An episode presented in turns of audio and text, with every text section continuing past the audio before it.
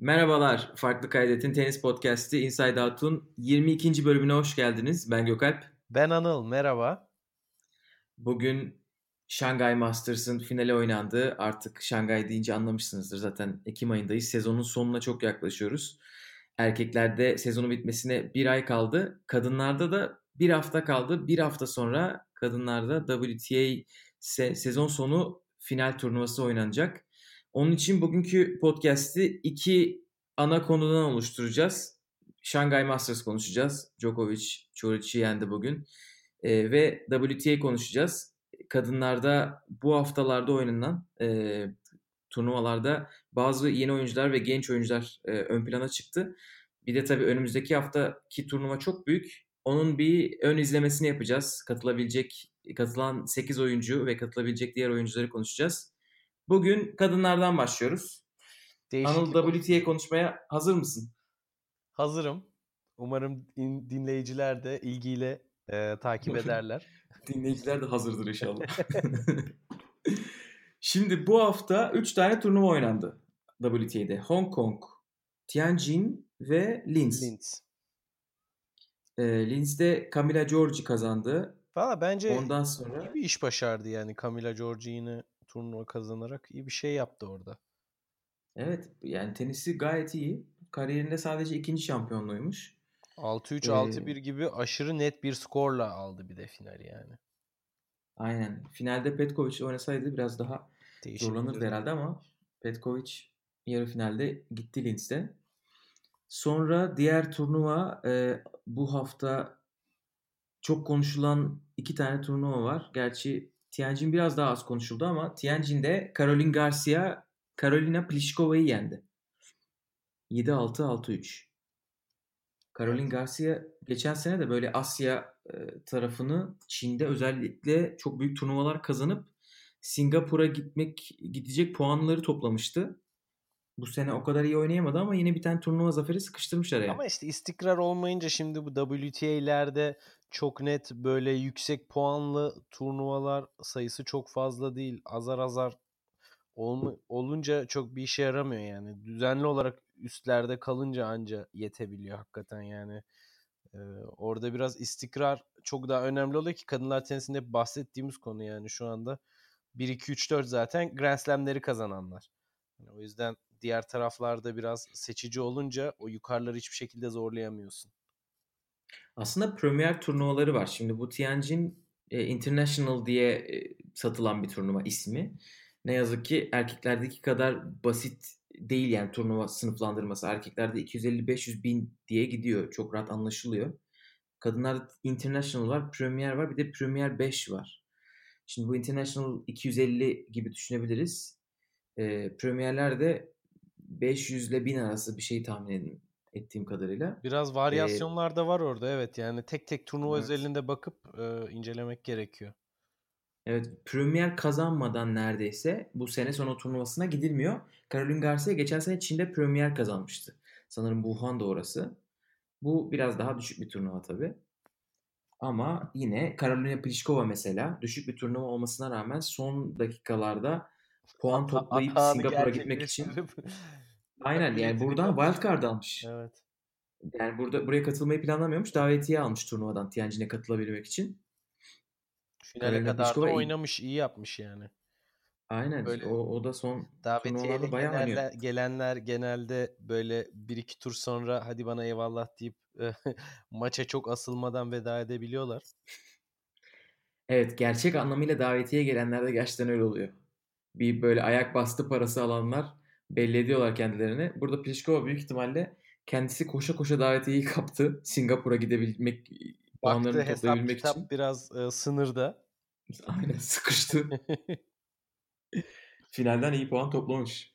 E, ondan sonra Hong Kong. Hong Kong bu hafta çok konuşuldu. Çünkü ortaya çıkan yeni yıldızlar. İki isim konuşacağız. Yastremska bir de Wang Qiang. Ya kadınlar tenisinin her zaman hani bunu bilmiyorum kaç kere söyledim ama en sevdiğim tarafı hakikaten tahmin edilmesi acayip güç ve e, çok fazla sürprize açık ama bir o kadar da kısa vadeli yüksek düzey performanslara sahne oluyor. Yani bu turnuvada da biraz onu gördük gibi düşünüyorum Gökalp. Sen ne düşünüyorsun? Yastremska böyle bir bence kıvılcım gibi hani oldu. Çünkü sene içerisinde dediğin gibi çok yüksek bir performans görmemiştik. Bir tweet gördüm. Bu turnuvadan önce 7 maçının 6'sını kaybetmiş. WTA düzeyinde oynadı. Büyük ihtimalle ITF maçları çok, oynamıştı. Çok eleme oynadı. Ee, yani e, ITF'lerde iyi puan topladı. Baya işte şampiyon ya kupa kaldırdı, final oynadı filan ITF'lerde. Sonra sıralaması yetince devamlı e, WTA oynamaya başladı.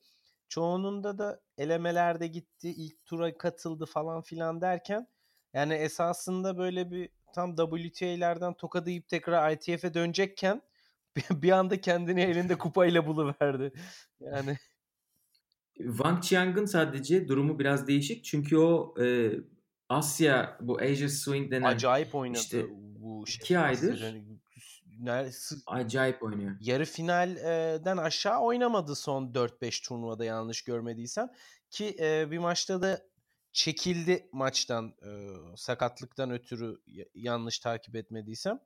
Hani o yüzden e, onunkisi istikrar. Hani o konuda bu uzak doğuda biraz hani şey Amerikalılar nasıl Amerika ayağında birden performanslarında böyle üst düzeye geçiyorlar. Bank da bu sene biraz öyle oldu. Hatta yani şey Conteveit'e karşı çekilmiş maçtan. Şimdi baktım Wuhan'da. Ama onun dışında Hı-hı. yani yendiği isimler ya yenildiği isim Wozniacki. Mesela ondan önce de hep yani elendiği zaman uzak doğuda tapten oyuncularına elendi. Hani hiç böyle bir sürpriz bir yenilgisi yok. Evet, ve çok fazla şey, çok fazla maç yapmış. Şimdi bakıyorum 1, 2, 3, 4, 5 tane turnuva var. Bir de bunların üstüne sanırım Asya oyunları tarzında bir şey oynadı. WTA takviminde olmayan puan kazanmadığı. Onu bilmiyorum. Yani Eylül başından beri 6 tane turnuva oynamış. Ee, ve WTA'de 4 maç kaybı var sadece. Hı. Bakıyorum. 18 maç kazanmış. İşte yani Guangzhou'yu kazandı. Sonra Wuhan'da da finale kadar geldi. Finalde çekildi işte Conteveit'e karşı. Sonra yarı final. Yarı final mi? Pardon. Aynen. Ee, Sonra Pekin'de de yarı final. Pekin'de de yarı final. Burada bir tur fazla oynanmış o zaman Wuhan'da. Ben o yüzden yanlış saymışım. Çünkü yine 5 e, maç yapmış. Hani e, şeyde Wozniak. Evet çünkü o Wuhan yüksek turnuvalardan biri olduğu için işte. Be- Premier turnuva olduğu için. Pekin'de e, Wozniacki'ye karşı kaybetmiş. Wozniacki'ye karşı kaybetmek normal. Bu arada Pekin'de ilk turda Ostapenko'yu 6-0 6-0 yendi. Hani Ostapenko gerçi o maç hani sakatmış. Sakat sakat e, şey çekilmem ben tarzında bir açıklama yapmış ama 6-0 6-0. Delikanlı da leke sürdürmemiş. İnanılmaz bir Ostapenko, skor. Ostapenko ile başlayıp sonra Pliskova, sonra Zabalenka. Yani iyi iyi kişileri yendi. Zabalenka. arka arkaya yendi hem de. Sonra Hong Kong'da da yani finale gelene kadar Muguruza'yı yendi, Svitolina'yı yendi. Hani böyle çok sağlam seri başlarını sırayla sıradan geçirip geldi yani finale kadar. O yüzden Aynen öyle. Ben taraf... Muguruza maçını izledim. E, Muguruza maçında bir kez maç çok yakındı ve çok yüksek kaliteli maç oynadı. Yani Muguruza kötü oynamadı. Muguruza final setinde 4-1 öndeydi. Oradan çevirdi maçı. Bayağı ve e, hiçbir maçını izleyebildim mi bilmiyorum Yok, ama hiç şey ya böyle defansif oynamıyor. Gayet kendinden emin. Hem forehand hem backhand kanadında atak yapabiliyor. Hı hı. Ee, çok iyi bir baseline oyuncusu. Ee, açıkçası o Muguruza maçında çok file oyununu gözlemleyemedim. Fileye çok geldiğini hatırlamıyorum. Ama yani çok efsane sayılar At- oynandı o maçta. Atak dediğin için istiyorsan şey Yastremskaya da burada biraz geçebiliriz. Hani bilmiyorum onun oyun tarzı da hakikaten çok böyle çekingen bir oyun tarzı olmadığı için iki tane karşılıklı silahşör kapışmış o zaman finalde. Evet, e, Muguruza da öyle. Benim dikkatimi şey çekti. Böyle bir sanırım ya bilmiyorum bir süre vardı 2010'ların başlarında.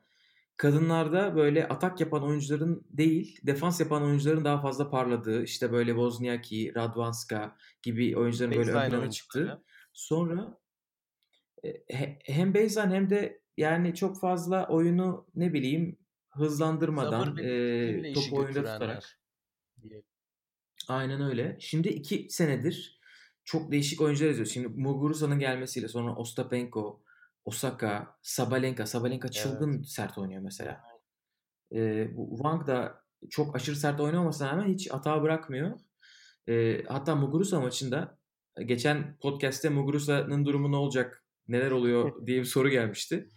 Yani şu, şunu gördüm ben. Bence koçu ile arasındaki ilişki artık eskisi kadar iyi değil. Sam Sumik'le çok iyi bir dönem geçirdiler. Grand Slam'ler kazandılar ama şimdi Sam Sumik'i e, yanına çağırdı. 4-1'den Wang geri, gelince 4-4'e.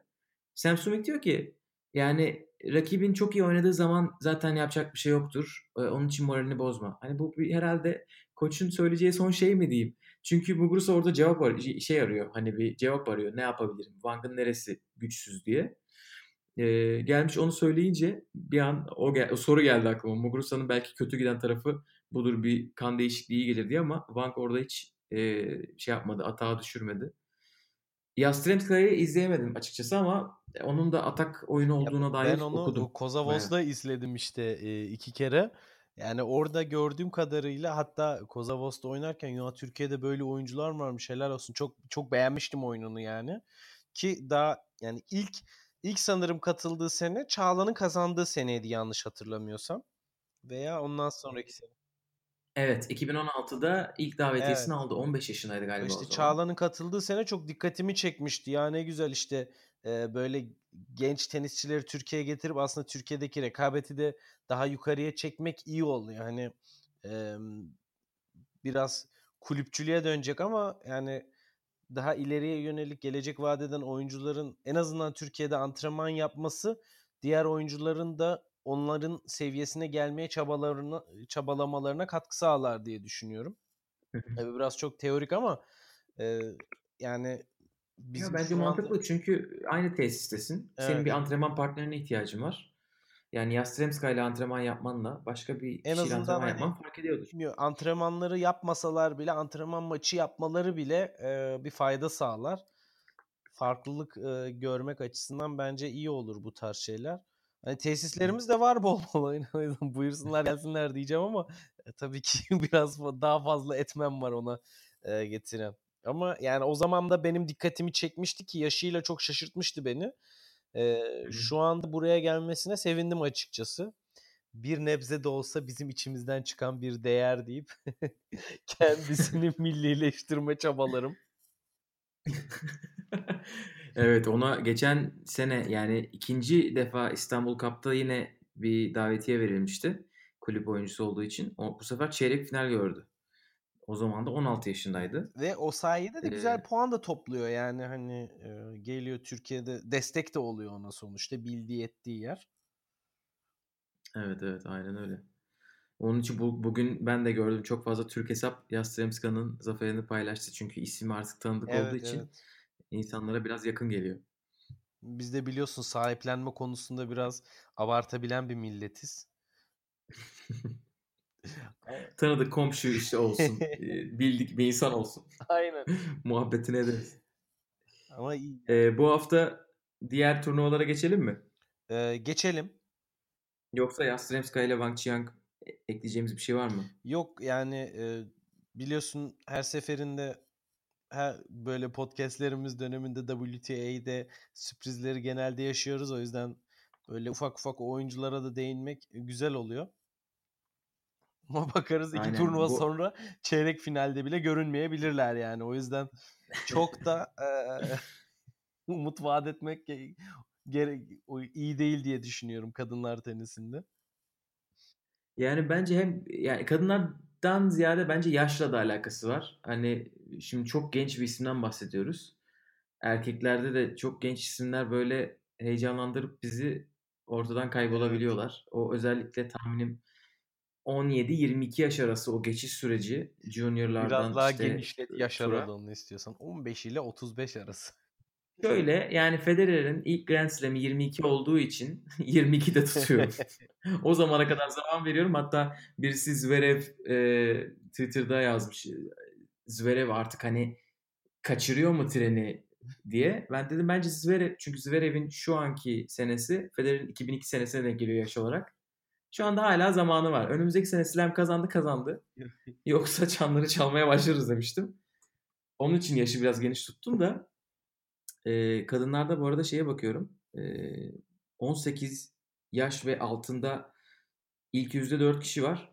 Bu sene bunları konuştuk değişik podcastlerde. Yastremska şu anda 63. sıraya yükseliyor bu anda turnuva zaferiyle. işte. Orada çok sıkışık. Yani oralara turnuva kazanan kişi sayısı e, çok değişken olduğu için bir kazandın mı başkasının puanları gitti mi hemen çok hızlı bir şekilde yükseliyorsun yani. Aynen öyle. Sonra Potapova var. E, Danilovic ile bir final oynamışlardı Evet. Moskova'da. Potapova kaybetmişti ama Potapova 90 numara. E, Anisimova geliyor. E, seneye çok iyi başlamıştı. Sonra e, sakatlıktan dolayı birkaç ay ara verdi. Sonra Danilovic geliyor. Danilovic de bu sene turnuva kazanan ilk 2000 doğumlu Yastremska'da ikinci olmuş. Geliyor geliyor gençler Böyle. geliyor ben sana diyorum. Avustralya açıkta daha büyük sürprizler göreceğiz. 2019 e, yaşlıların artık jenerasyonu elden ele teslim edeceği bir dönem olacak. Hadi bakalım. Göreceğiz. Erkeklerde bu arada ilk 200'de sadece iki kişi var. 18 ve 6. Bir tanesi de Alman. Hadi iyisin. Rudolf the Reindolf yok. Rudolf Moleker. Ya Moleker. Ha, o şeyden ya biraz. Ee, Hamburg'daki turnu o bizim komşu. Hamburg'daki turnuvadan dolayı orada birkaç tur atladı. Oradan çok iyi puanı geldi. Hani onun dışında da çok bir şey yok hala. Berlinli Moleker. Ee, o zaman şeye geçelim. Sene sonu turnuvasına Evet. geçelim kadınlarda. Önümüzdeki hafta yani tam tarih verelim. 22 Ekim'de Singapur'da başlayacak. Oradaysanız muhakkak Ee, görün. Singapur'daysanız bir bakın Ama etrafa. WTA finali için Türkiye'den Singapur'a gitmek bir şey çok iyi. Hayır yani oradaysanız. Bizi Singapur'dan dinleyen varsa. Ee, tarihi kafama takıldı. Pazar mı başlıyor diye. Evet pazar günü başlıyormuş tahmin ettim. 21 Ekim'de başlayacak turnuva. 28 Ekim'de de bitecek. Yine iki gruptan oluşacak. 8 kişi katılıyor. Şu anda 8 kişinin 7'si neredeyse %100. Çünkü 6 ile 7 numarayı %100'leştiremediler. Bu hafta oynanan Moskova'dan gelecek puanlara göre değişecek.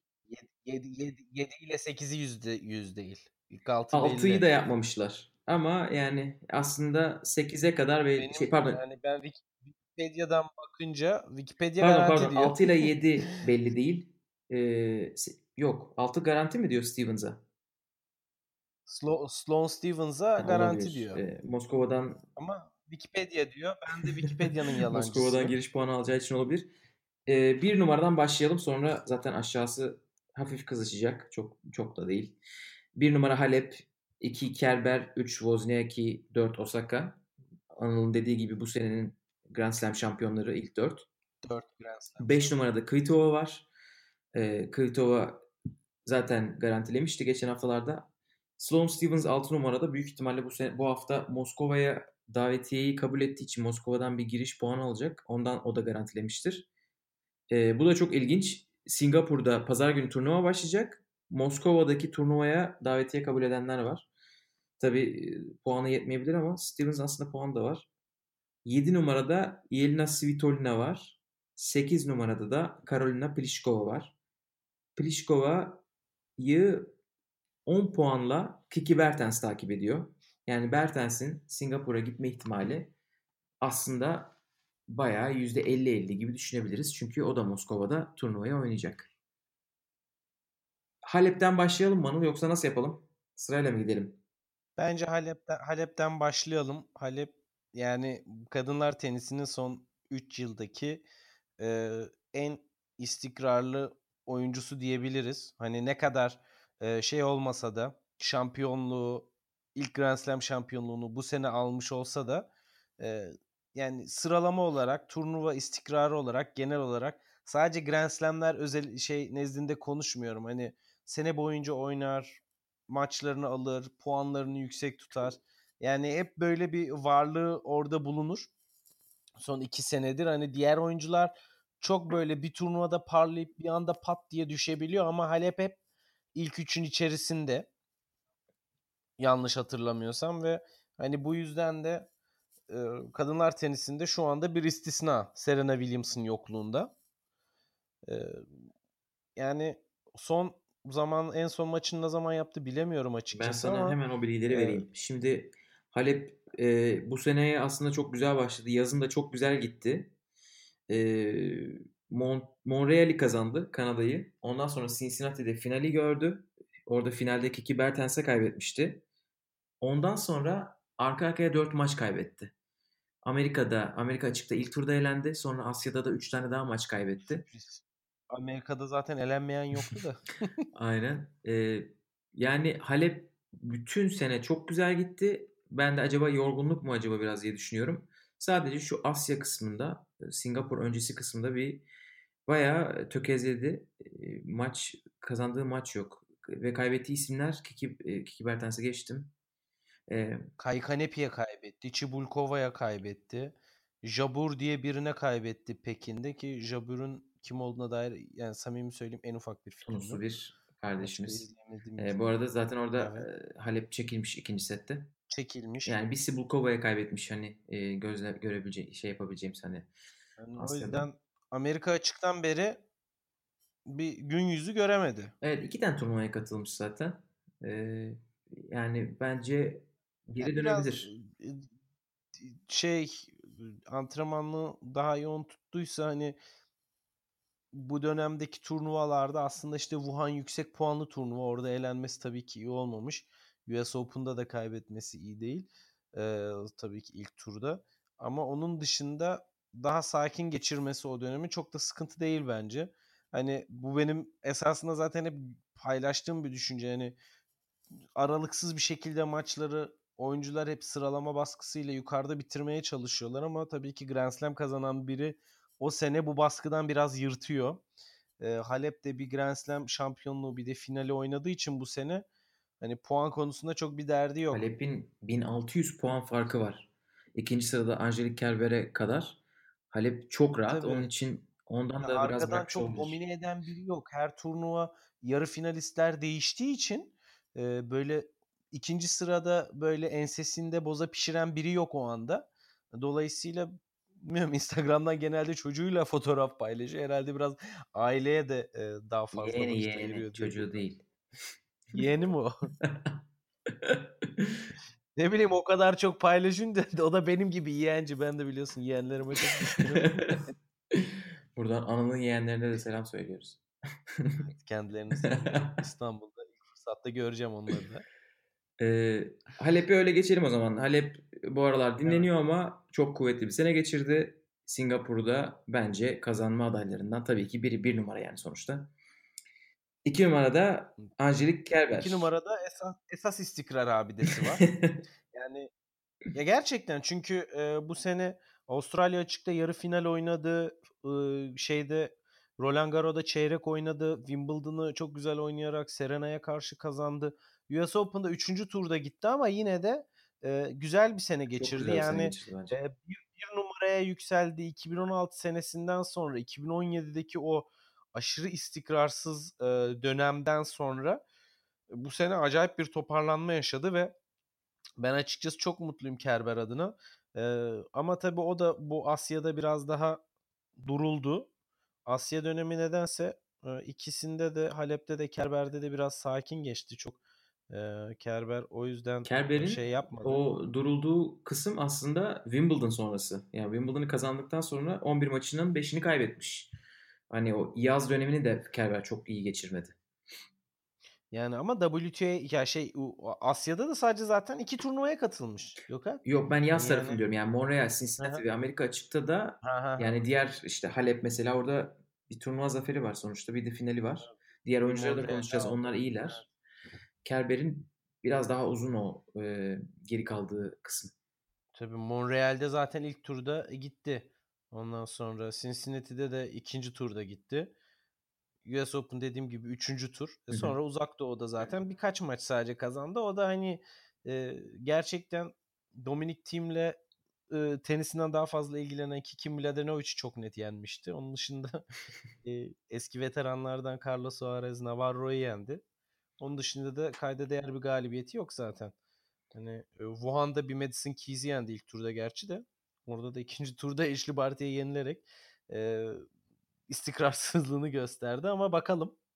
Evet. Yani Wimbledon'dan sonra bir tökezleme var ama Kerber bence yani burada son iki aylık performansları bir faktörse tecrübe ayrı bir faktör. Şimdi Kerber Gökhan US 2016'da finali Open'dan beri esasında US Open'dan beri e, top oyuncuların hiçbirinde öyle çok üst düzey bir performans göremiyoruz. Yani neden bilmiyorum Geleceğiz. ama Biraz daha ön plana çıkanlar var. evet. Pliskova, Osaka falan hala iyi gidiyorlar. E, Ama- Osaka zaten bu sene çıktı Gökalp yani hani Yok Amerika açıktan beri dediğin için dedim. tamam ya ha ya ama kızın zaten başlangıç noktası Amerika açık. Aa, şimdi Indian Wells'le Miami var. Ya, Lütfen. tamam. Orada Tamam. Serena'yı, Venüs'ü, herkes Sharapova'yı yendiği turnuva zaferleri var. Tamam. İki, iki tane zaferi var yanlış bilmiyorsam ama e, seni kırmayayım. Peki. Ee, şimdi hani geçmiş tecrübeleri de bir konuşalım diye şey yaptım. Halep'in sene sonu finallerinde bir tane finali var 2014'te. Ee, Kerber'in de geçen sene katılamamıştı. Katılacak kadar puanı yoktu. Evet. Ama 2016'da sene- katıldığı zaman final gördü. Geçen senenin şampiyonu zaten Wozniacki. Aynen. 3 numara Wozniacki'ye geçelim. Öyle güzel bir geçiş. Aynen. Ee, defending champion yani geçen senenin şampiyonu Evet. Wozniacki mesela Asya'yı güzel değerlendirenlerden birisi. Acayip güzel değerlendirdi. Wozniacki bu seneyi genel olarak çok iyi değerlendirdi. Ee, yani o tökezlediği dönemden işte geri düştü bir ara kariyerine neredeyse ara verdiği gibi bir şey oldu. Ee, çok hırslı bir şekilde geri döndü ve toparlandı. Zaten baş rakipleri e, Serena Williams, Radwanska, Sharapova. e, bunların üçü de şu anda e, piyasada yoklar. Tabii Serena Williams seneye geri dönebilir ama hala e, Halep ve Pliskova ile çekişmesine devam ediyor. Yani bu açıdan e, ben iyi buluyorum bu seneki durumlu Wozniacki'nin. Geçen sene bir Roland Garros'ta çeyrek görmüştü. Bu sene bence sürpriz bir şekilde kazandı Avustralya açığı. Yani o çok e, beklenen bir olasılık değildi. Ama e, daha sonraki Grand Slam'lerde de çok bir başarı gösteremedi. Dolayısıyla e, turnuva özelinde nasıl bir istikrar yakalayacak onu ben çok merak ediyorum. Çünkü bir sonraki Grand Slam'lerde çok bir e, başarı elde edemedi. Şu anda tekrardan yükselişe geçti ve Asya'yı güzel Evet. değerlendirdi. Ama hani acaba demeden de edemiyorum. Acaba diğerlerinin e, Asya'daki durgunluğundan mı Wozniacki biraz da meydanı boş mu buldu gibisinden ama tabii şimdi e, Pekin'de kazandı. O önemli. Wuhan, Evet. Wuhan'da gerçi Evet. gitti. ikinci turda gitti. Ama Pekin'de güzel kişileri e, yenip e, geçti. Gerçi çok da fazla zorlu rakip. Şimdi tekrar dikkatli inceleyince e, çok fazla zorlu rakibi yoktu. Hani finalde Sevastova ile oynadı hani bir nebze. Wang'a karşı oynadı son turnuvanın finalisti. Ama onun dışında Siniako, Kontaveit, Martic, Benčić, Beline Benčić ilk turda ki Benčić zaten hala bir toparlanma evresinde. E, onun dışında öyle kazandı turnuvayı ama top 10 oyuncusuyla karşılaşmadı Gökhan. Yani o Evet. yüzden Top 20'den de Yani- bir kişiyle karşılaştı. o yüzden e, biraz hani bu, bunu çok sevmiyorum söylemeyi ama biraz kura şansıyla da ilerlemiş gibime geliyor. E, inşallah o da turnuvaya renk katar diyorum. Yok bence kura şansı demek çok normal yani. Hiç seri başıyla oynamadıysanız bir turnuvada. Değil mi? Wozniacki'nin Pekin'de seri başı bir rakibi olmamış. Ama set de kaybetmemiş. Hani Evet yenilebilirdi. 2-0 yendi aynen öyle. Onun için Wozniacki yine belli olmaz diyeceğimiz tabii ki e, geçen sene şampiyonu ve bu sene katılacak 8 isimden en e, çok sene sonu final şampiyonası başarısı olan isim. Bir galibiyet, iki yarı final, bir de kaybettiği final Daha var. ne olsun. Yani fena değil yani e, Wozniacki'den. Yine bir şeyler bekleyebiliriz. Deyip 4 numara Osaka'ya geçelim? Evet Osaka bu senenin göz bebeği. Ee, ben US Open'dan beri diyorum ama Gökalp daha evveliyatı olduğunu da e, düşündüğü için e, Osaka'yı genel olarak övüyor. Ama ben Şimdi Indian Wells'te e, yendiği isimleri söylemek istiyorum. Maria Sharapova, Agnieszka Radwanska araları geçiyorum onları beğenmedim. Karolina Pliskova, Simona Halep, finalde de Daria Kasatkina. Miami'de Serena Williams'ı yendi. Tamam Serena Williams'ı saymıyorum. O zaman yeni dö- dönmüştü. Ee, onun için Indian Wells olarak görüyorum başlangıcını. Seni mi kıracağım ya? 3 hafta için. Canın sağ olsun. Em, ya Sonra Amerika açığa kadar kayıp kendisi. Sakarya'ya Yani- yenildi 2-0 Cincinnati'de. Montreal'de İki maçının birini kaybettiği zamanlar Montreal'de var. Carlos Suarez Navarro'yu bizim yine bu seneki güzide veteranımıza yenildi.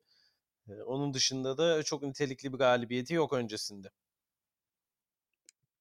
Evet, şeyi hatırlamaya çalışıyorum. Şu anda beraber çalıştığı koçuyla tam o zamanlar mı çalışmaya başladı? Çünkü yeni koç geçişi hani belki etkileyebilir diye ama hatırlayamadığım için o Ya, teoriyi atmayacağım. Atma. Zaten mühim de değil çünkü e, yani e, bu sene çalışmaya başladı Sasha Bajin'le. Bajin mi okunuyor, nasıl okunuyor tam da bilmiyorum ama e, sonuçta 20 yaşında yeni bir koçla başladı ve o koçla beraber 1.80 boyunda bir Japon olarak sürpriz bir şekilde her açıdan bizi şaşırtıyor. Nishikori'den bile uzun. bu seneyi acayip hızlı geçirdi. Ve güzel bir başlangıç yaptı. Yani ben koç değişikliğinin bu kadar etki Yok etmesine değilmiş çok çünkü buldum. Ee, Sasha Bayin'le Bayin mi? Ee, geçen senenin sonunda başlamışlar. Yani 2018'in başından beri aslında beraberler. Evet. Yani 2018'in başı yani bu sezon başladılar diyebiliriz. Aynen. Geçen senenin off season'ında 5 Aralık 2017'de Sasha Bayin işte haberler bunlardır arkadaşlar diye bir tweet atmış. Allah'ta sosyal medya var. Gökalp Taşkesen Twitter'dan bildirdi. Aynen öyle. Osaka'yı seviyorum ben. Evet, Naomi Osaka'nın ben de seviyorum. Ee, sana şöyle bir şey Heh. söyleyeyim bak. Esasında e, Ostapenko kadar atak ama Ostapenko'dan çok daha istikrarlı ve mental seviyesi çok daha yüksek bir oyuncu. Dolayısıyla bu yeni nesil atak oyuncular arasında en en ön plana çıkan e, isim kendisi bir uzun bir süre daha olacak gibime geliyor. Yani iki sene daha çeyrekten aşağı e, çok bir sürpriz yaşatmazsa Grand Slam'lerde görmemesi gerekir. Eğer e, uç bir şey olmazsa. evet. Çünkü e, belli bir seviyeye kadar ki oyuncuların hepsini çok net ezip geçebiliyor. Çok domine edebiliyor. Üst düzeyde tabii ki her zaman gününde olman vesaire çok daha fazla faktör giriyor devreye. Hani bunu birazdan Masters'ı konuşurken Çoriç özelinde de konuşacağız. E, ama yani benim bu sene gönlümden geçen şampiyon e, Osaka. Valla ayda yılda bir aynı şeydeyiz, noktadayız. Şaşırdı, bunu bir, şaşırdı. bunu bir kutlayalım. Benim de gönlümden Osaka geçiyor. Tarihe not düşülsün. Aynen Tokyo'da final gördü. Pekin'de yarı final gördü. Ee, aslında kazandığı isimler kendinden çok daha düşük sıralamadaydı ama Amerika sonrası ben Tokyo oynamasını bile beklemiyordum ama tabii ki Tokyo oynaması lazım. Kendisinin Tokyo'yu oynaması sürü şart. iş bağlantısı vardır büyük ihtimalle. Tabii. Oynaması için bir sürü şey yapılıyordur orada. Orada finale kadar gitti ve Karolina Pliškova'ya yenildi.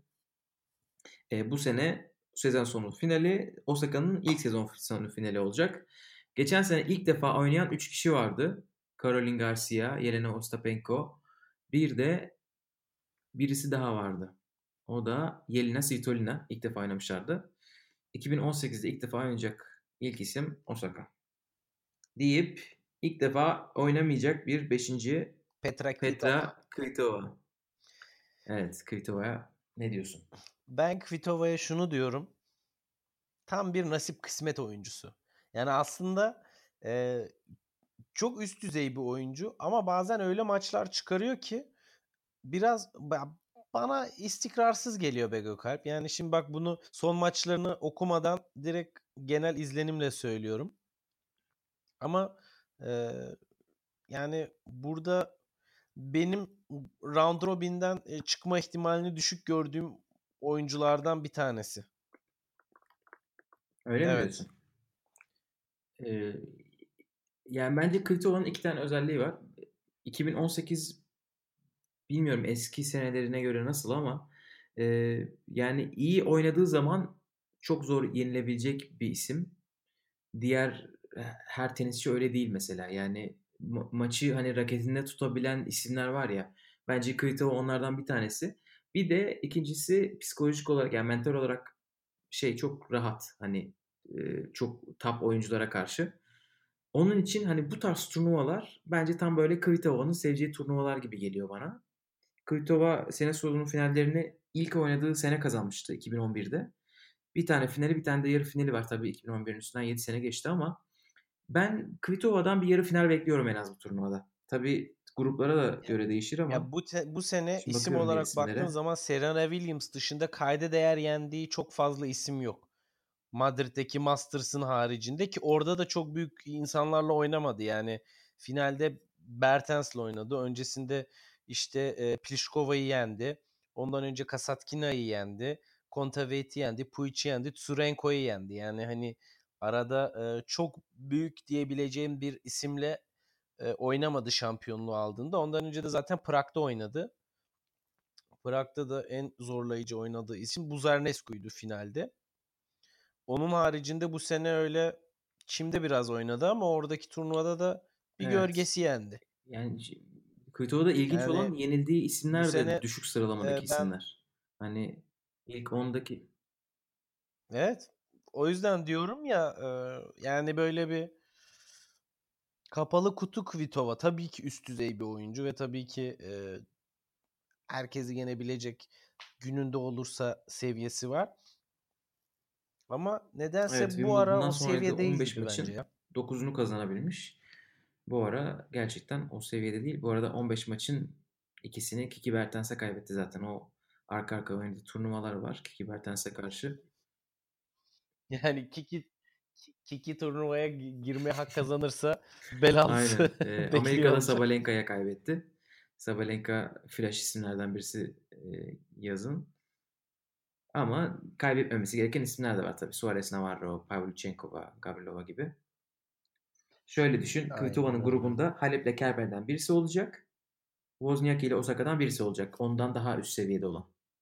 Onun için gruplara göre çok değişecek. Ve onları yenme olasılıklarını ben e, çok yüksek görmüyorum Gökalp ne yalan Bakalım. Söyleyeyim. Göreceğiz. Ee, o yüzden diyorum ya tam bir nasip kısmet oyuncusu. Bak sen de azla çok da farklı Yok, şey Wozniacki'yi bence kesin yener. Ama Osaka çıkarsa tabii ki işler değişir. Yarı finale çıkamayabilir. Halep'le Kerber'le de bence şansı evet, yani bu... %50'nin çok altında değil. Bakalım göreceğiz. Gruplara göre çok değişecek o iş. Mr. Mr. Optimizm konuştu. 6 numara şu anda Sloane Stevens. Sloane Stevens ben onun da oyununu biliyorsun beğeniyorum. O da genç atak oyunculardan birisi. bu sene benim Amerika'da oynuyor sonra kenara çekiliyor, goygoya başlıyor. Ön yargımı son derece kırdı. Dolayısıyla ben bu turnuvada iyi işler çıkaracağını düşünüyorum Stevens'ın.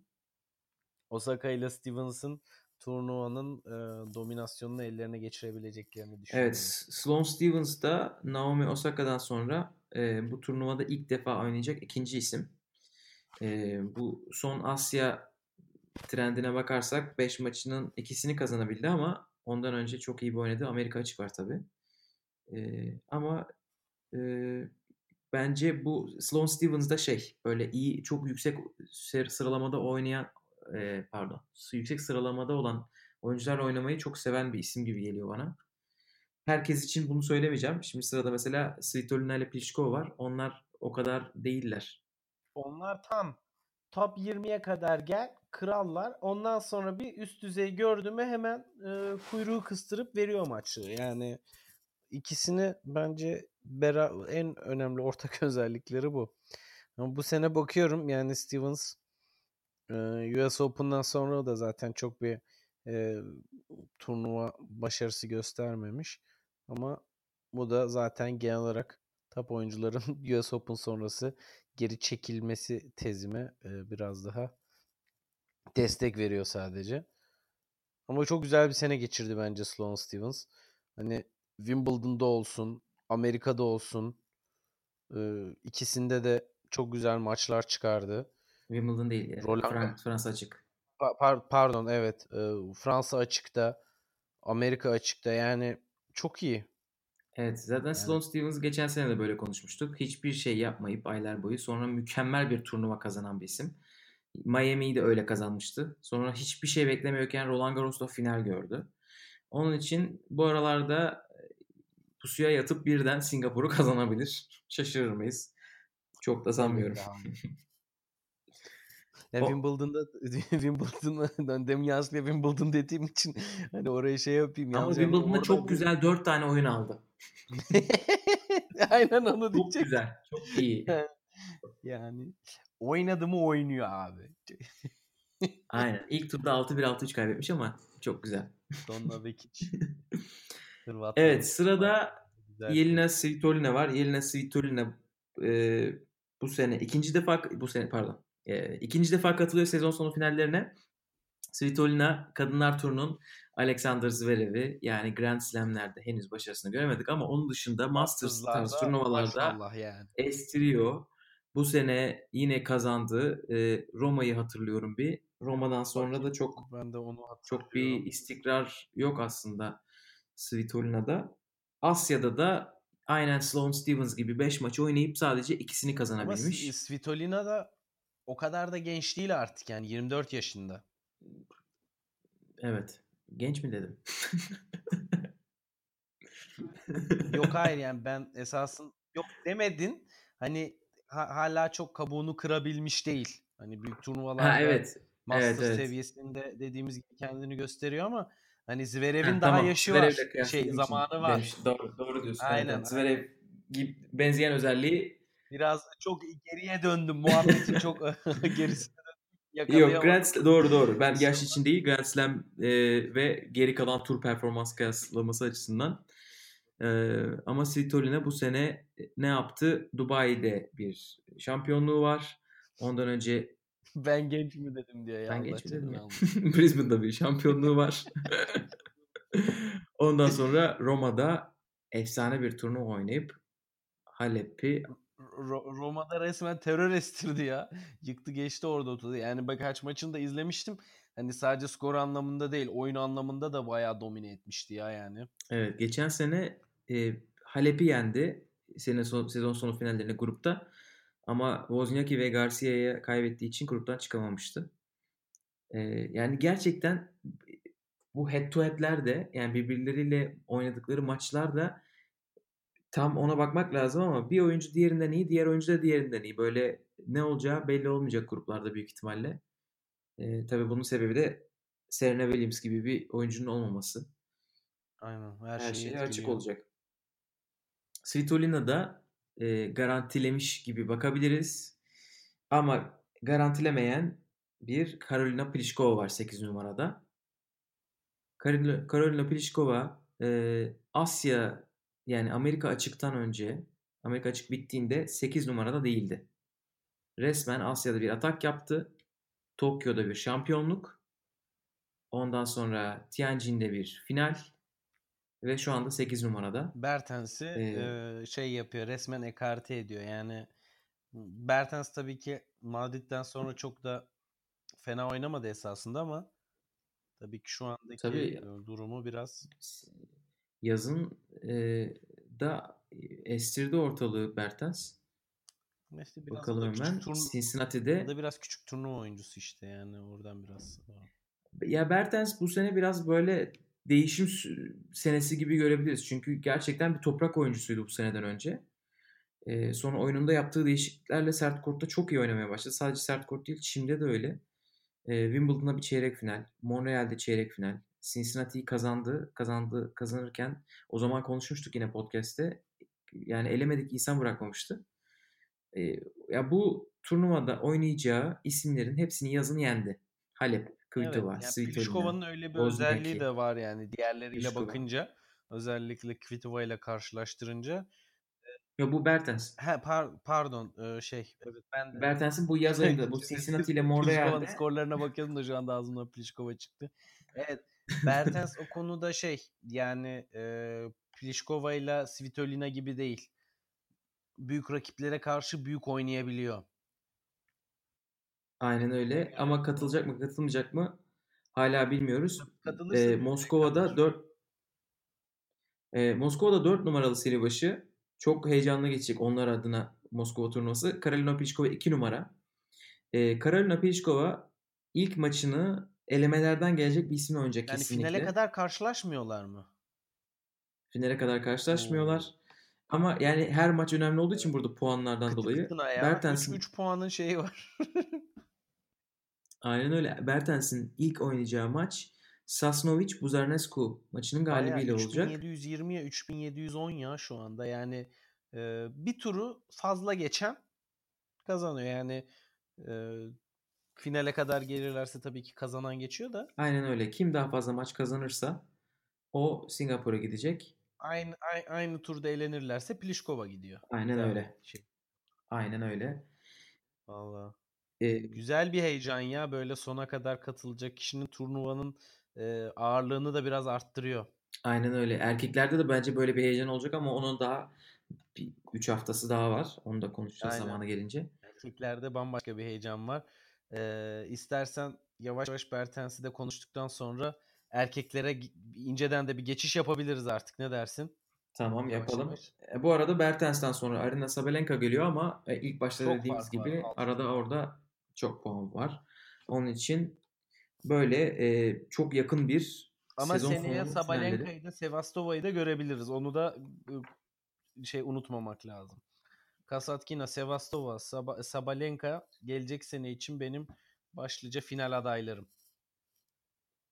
Sevastova dışında ben de katılıyorum. Sevastova'yı bilemedim ne- nedense. Ama zaten 2019'un sonundaki finalleri de zamanımız var. Aynen öyle. o zaman erkeklere geçiş yapalım. Shanghai Masters. Shanghai Masters e, harika bir turnuva oldu. Ama e, turnuvanın beni en çok rahatsız eden özelliğinden bak başlamak istiyorum. O da zemini. Lütfen. Zemin yani bak sert toprak kort diyoruz. Toprak kortlar 3 aşağı 5 yukarı birbirine yakın oynanabilirlikte. Yani abi bu toprakta 2 kilo fazla kum atmışlar. Top hiç zıplamıyor falan. yani böyle bir şey yok. Ama bu e, sert kort zeminlerde yani en yavaşla en hızlı sert kort zemin arasında o kadar servis hızı farkı var ki ya bu turnuvada e, servis oyunu inanılmaz ön plana çıktı. O gün servisini atan kazanıyor. Atamayan kazanamıyor gibi bir şeye ge- geçti resmen iş. E, bu özellikle yarı finalleri konuştuğumuzda Zverev'in Djokovic'e e, yenilmesinin de en kritik sebeplerinden birisiydi. E, o gün en büyük silah yine çalışmadı. Seviyor zaten öyle. Çok istikrarlı gidip serviste sonra ma- önemli maçta hiç servis atamamayı seviyor Zverev. Ama ya bu bu zemin olayı beni biraz şey yaptı. Yani Şangay turnuvasının biraz e, seyir zevkine gölge düşürdü diye düşünüyorum ben. Şimdi bu konuda iki tane e, değişik düşünce şeyi var. Mekanizması var. Bir tanesi senin dediğin servis oyuna çok hükmediyor. Onun için e, biz hani maç izleyemiyoruz ya da maçı sadece servis servisini iyi atan yönlendiriyor. Ki o arada o yani şey demek servisini güçlendir demek oyuncuya.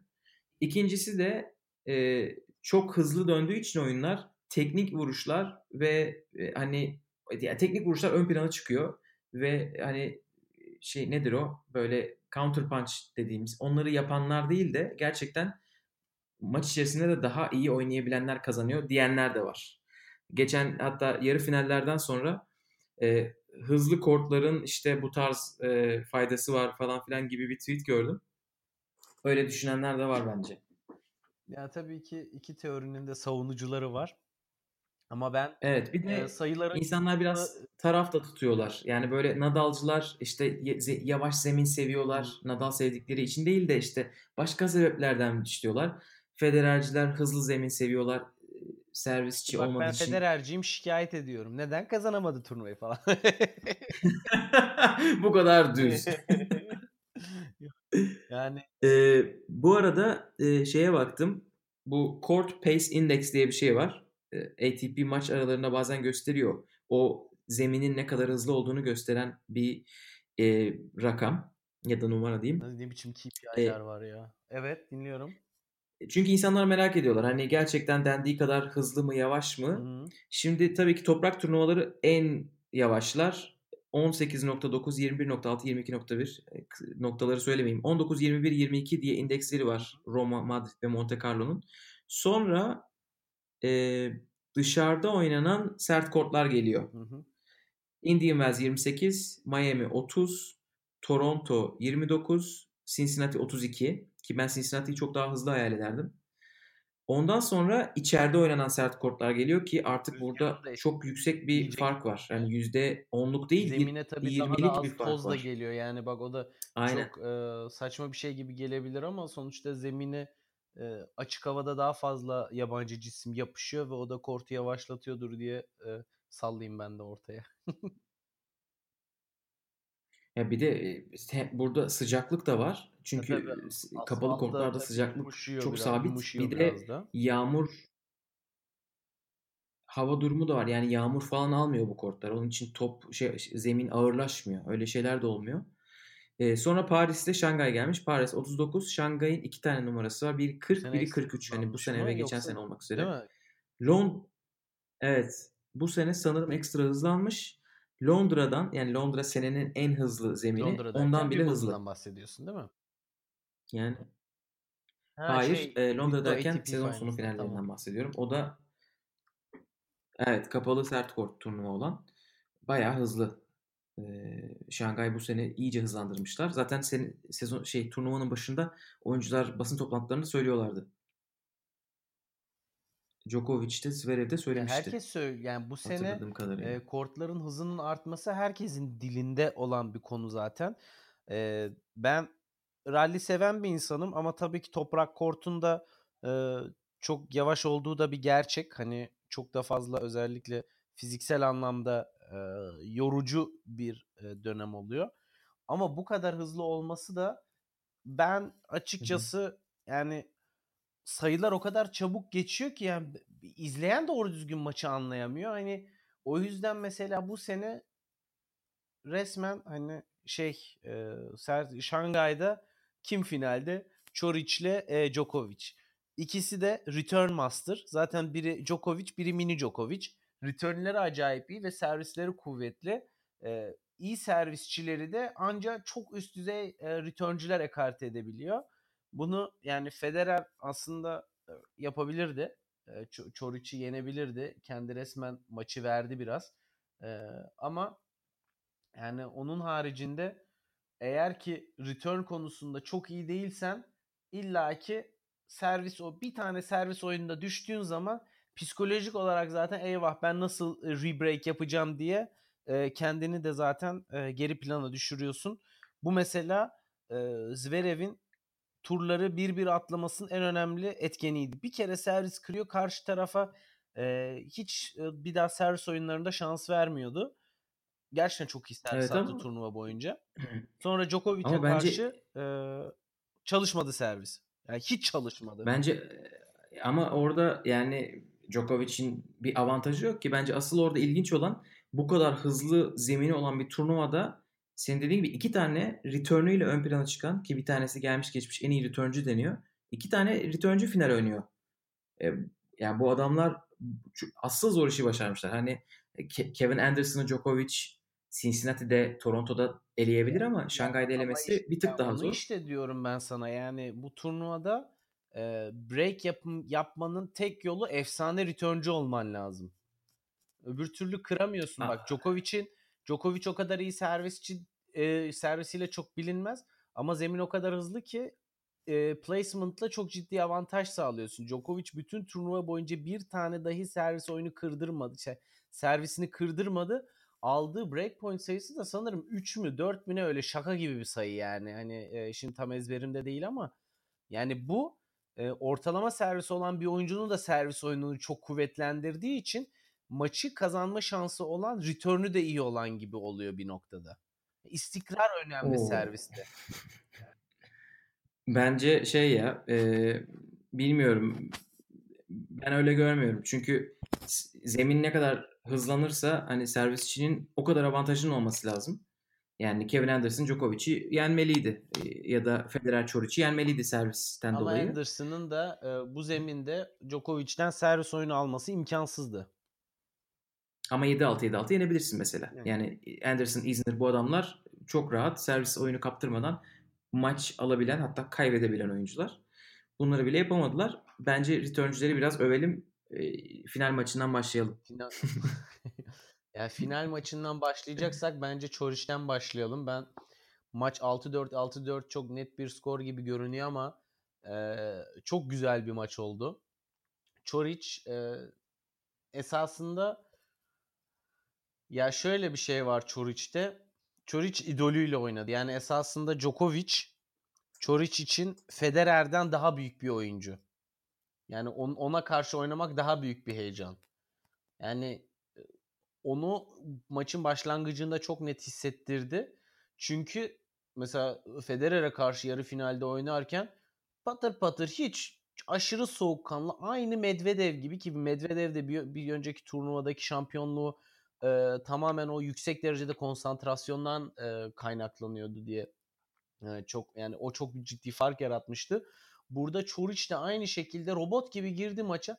Pat pat pat oynadı. Sabırlı bir şekilde e, topları geri yolladı. Federer zaten e, çok fazla da basit hata yaptı ve bu da Çoric'i çok şey yapmıştı. Tamam ben topu geri yollayayım o zaten hata yapacak diye sabırla oynadı. Burada karşısında Djokovic e, Djokovic'in kendisi de dedi zaten yani ben benim kendimle oynuyormuş gibi hissediyorum dedi. İlk çok Çoriç'le oynadıktan sonra. Bilmiyorum o röportajını sen de yakalamış mıydın ama evet. e, bu tabii şu da demek oluyor bir taraftan. Çoriç şunu düşünüyor kafasında. Ben topu ne kadar geri yollayabiliyorsam bu adam Djokovic. Bu benden bir hep bir tık daha yani ben ne iyi yapıyorsam benden bir tık daha fazla iyi yapıyor diye düşünüyor kafasında. Ve bu da onun kendi oyun yapısını e, psikolojik olarak daha değiştirmesine sebebiyet verdi ve Federer'e karşı oynadığının tam aksine aceleci ve hızlı oynadı ve sert oynadı ve domine etmeye çalışır bir şekilde oynadı. Yani herkese karşı Djokovic gibi oynayıp Djokovic'e karşı başka oynamaya çalıştı. Bu da e, beraberinde basit hataları getirdi. Ve çok kritik noktalarda çok basit, çok ciddi basit hatalar yaparak böyle hele ikinci setin ilk oyununda e, break'ini yani servisini kırdırdı. Oradaki topu dışarı atışı bayağı e, şeydi. Basit bir hataydı. File fileye kadar gelip oradan topu dışarı vurdu. İnanılmaz şaşırtıcıydı ama maçtan da kopmadı yani sonuna kadar da uğraştı yine de ama dediğim gibi benim hala teorim olan bu zeminde içeri düşen birinci servisi karşılamak çok zor. E, dolayısıyla tekrar e, servis kıramadı. Kimsenin bu turnuvada yapamadığı gibi. Ama yine de e, inanılmaz bir return e, istatistiği var onun da. E, sanırım geri dönmeyen bütün maç boyunca Çor için e, ser yani Djokovic'in servislerine geri döndürülemeyen servis sayısı oranı %30'larda filan birinci servisleri ki bu çok iyi bir oran. Ee, ama karşısındaki Djokovic'in oranı %18 civarı yanlış bilmiyorsam. Onunki efsane bir oran. Ve bu da tabii aradaki ciddi farkı oluşturdu. Ama e, şu var. Bir önceki podcast'imizde Gökalp hatırlıyor musun bilmiyorum. Demiştim ki böyle devam ederse Djokovic seneyi birinci bitirebilir. Hatırlıyor musun onu?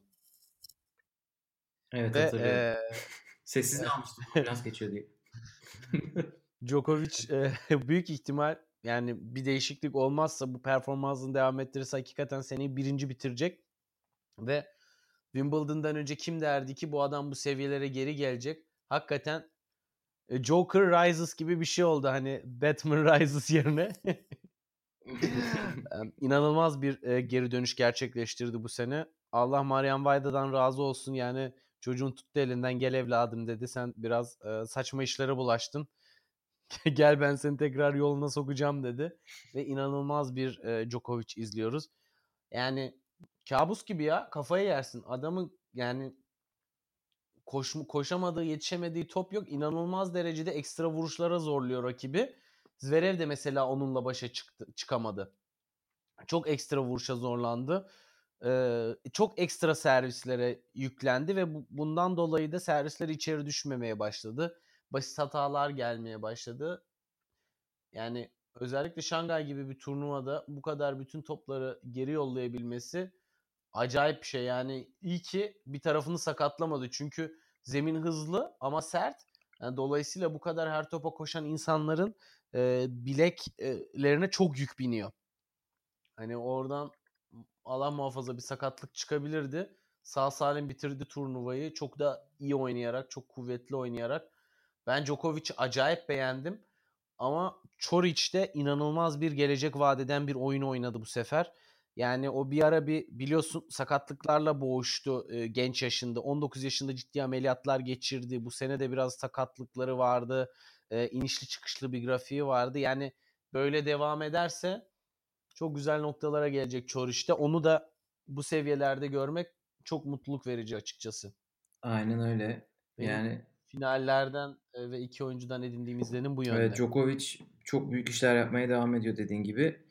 Ya adam bu arada yani Çin'de ayrı bir insana dönüşüyor. Toplamda bakıyorum 61 maç kazanmış ve 4 maç kaybetmiş sadece. Şangay'da 32'ye 4'lük bir e, rekoru şey rekordu var hani. 32. Masters şampiyonluğunu kazandı. E, Ya şeye de yaklaşıyor bu arada Nadal'ın en çok Masters kazanan o oyuncu rekoruna da göz dikmiş durumda. e, onu, Birinci sırada Nadal var bildiğim onu kadarıyla. geçmedim ya ben geçti diye biliyorum. Geçmedi geçmedi hala Nadal. Öyle mi? E, e, yani evet çok çok Hem, hemen bakayım. çok büyük işler yapıyor. Bak bakalım. Bana sanki geçti gibi geldi. Hmm. Ha geçmemiş. Djokovic 32, Evet, 33. Nadal Aynen. Aynen Paris'i Kafadan sö- kazanacak? kafadan söylüyorsan biliyorumdur ya. Eyvallah. Ee, yani Djokovic çok çılgın bir tenis oynadı ama e, yani şöyle ben hala Djokovic hala en iyisini oynuyor mu emin değilim. Ee, Bu arada 2011 31 yaşında Gökalp yani esasında artık bundan 1-2 jenerasyon öncesindeki oyuncuların tenisi bıraktığı yaştalar. Yani bunu Tabii. göz ardı etmemek gerekiyor. tabii yani o tenis bırakma yaşları 2000'lerin başlarına göre ya da 2000'lerin tamamına göre çok değişti. Bu şu anda Federer kuralı Federer çok ayrı bir noktaya e, taşıdı işi zaten. Evet Nadal da öyle aynen yani kuralı Evet. değiştiriyor. Djokovic de o şekilde. Hiç hani yaşlanmıyormuş gibi hareket ediyorlar. Ben hala Djokovic'in 2011 ve 15 seviyelerine yükselip yükselmediğinden emin değilim. Bugün Jelena Djokovic eşi bir şey paylaşmış. Hani insanlar e, sen geri geldin sanıyorlar sanıyorlardı ama sen aslında geri gelmediğini biz biliyorduk diyor. Büyük ihtimalle Wimbledon'dan falan bahsediyor. Çünkü Wimbledon'ı gerçekten orada görüyorduk biz. Eski seviyesinde olmadan bir şekilde Wimbledon'ı kazandı. Ve e, şu anda şey diyenler de var. Hani o Wimbledon'daki Nadal maçı e, bütün o geri gelen senesindeki o mental rahatlığı getirmiş olabilir. Çünkü Çekinato maçından sonra çim sezonunu pas geçmeyi düşünüyordu Djokovic. Çok Orada Wimbledon'ı kazandı. Evet. Son dakikada ka- karar verdiği, katılma kararı verdiği yerde. Yazın kazandığı Cincinnati turnuvası. Cincinnati'de Federer'i yenmek bir de üstüne üstlük. Amerika açık. Amerika açığı kazanıyor tabii ki. Yani ondan sonra. E, Şangay e, onun için hani bence Amerika açık turnuvasından Wimbledon'dan sonra çok da bir çok da bir şey değil ve e, özellikle son iki maçı yani Çoric maçı çok güzel maçtı. Gördüğüm özetini izleyebildim. Özetini gördüğüm kadarıyla ama Zverev maçı öyle bir maç değildi yani. Onun için ondan diyorum hani Djokovic belki hala o tavana daha çıkmadı. E, Paris'e büyük ihtimalle katılacaktır ama Londra'da tavanı görebiliriz. E, ama Marian Vaida'dan sonra e, gerçekten çok büyük bir değişiklik var. Seneye 6 galibiyet 6 mağlubiyetlik bir giriş yapmıştı. Ya Gökay Şu anda Çekinato maçından beri 33 maçta 31 galibiyetle gidiyor. İnanılmaz, İnanılmaz istatistiklere geri döndü. istikrara döndü ve hani ben Djokovic'te şunu gözlemliyorum. O dönem tabii ki 2015 e, sezonu inanılmaz bir sezondu. Şu anda hala bu seviyede bu kadar istikrarlı oynamasının ama temel sebebi bence mental olarak da kendini acayip geliştirmesi. Yani hırsını koruyup sakinliğini de e, koruyabiliyor ama. Hani hırsıyla siniri eskiden daha biraz paralel gidiyordu. Ee, o konuda acayip bir gelişme kaydetmiş diye görüyorum. Bu turnuvada da çok ma- yani bir iki maçta e, kritik sayılar oldu. Biraz sinirlendi ama sinirlendikten sonra sayıya başlamadan gülmesini bildi tekrardan. Yani o sinirle, o hırsla, o öfkeyle oynamadı hiç puanı. Hemen kafasında tamam her şey güzel bir sonraki sayıya odaklan dediğini resmen yüzünde görüyorsun ve bunu eskiden çok fazla yapamıyordu. Yani e, sürekli iyi oynamak zorundaydı. Şimdi oyundan düştüğü zaman kendini toparlamasını da çok iyi başarabiliyor. Yani ben mental olarak kendini e, acayip geliştirmiş şekilde geri döndüğünü görüyorum.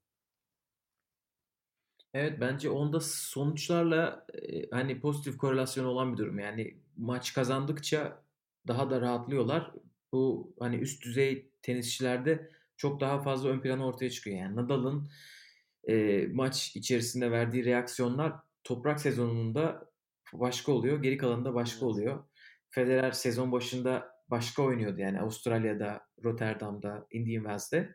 Sonra başka bir yere geçti artık. Evet. Belli ki bir düşüşte. Düşüş, Mental evet. olarak da aynı şekilde. Yani, ee, Djokovic'i bitirmeden evet. önce e, Djokovic'in servisleri çıldırmış durumda. Çoric de bu arada Federer'e karşı çılgın servis attı ama ona geliriz. Ama Djokovic ee, 185 ile falan atıyor servisini. Yani öyle aman aman hızlı bir servisi de yok. Bak oranlar istikrar çok iyi.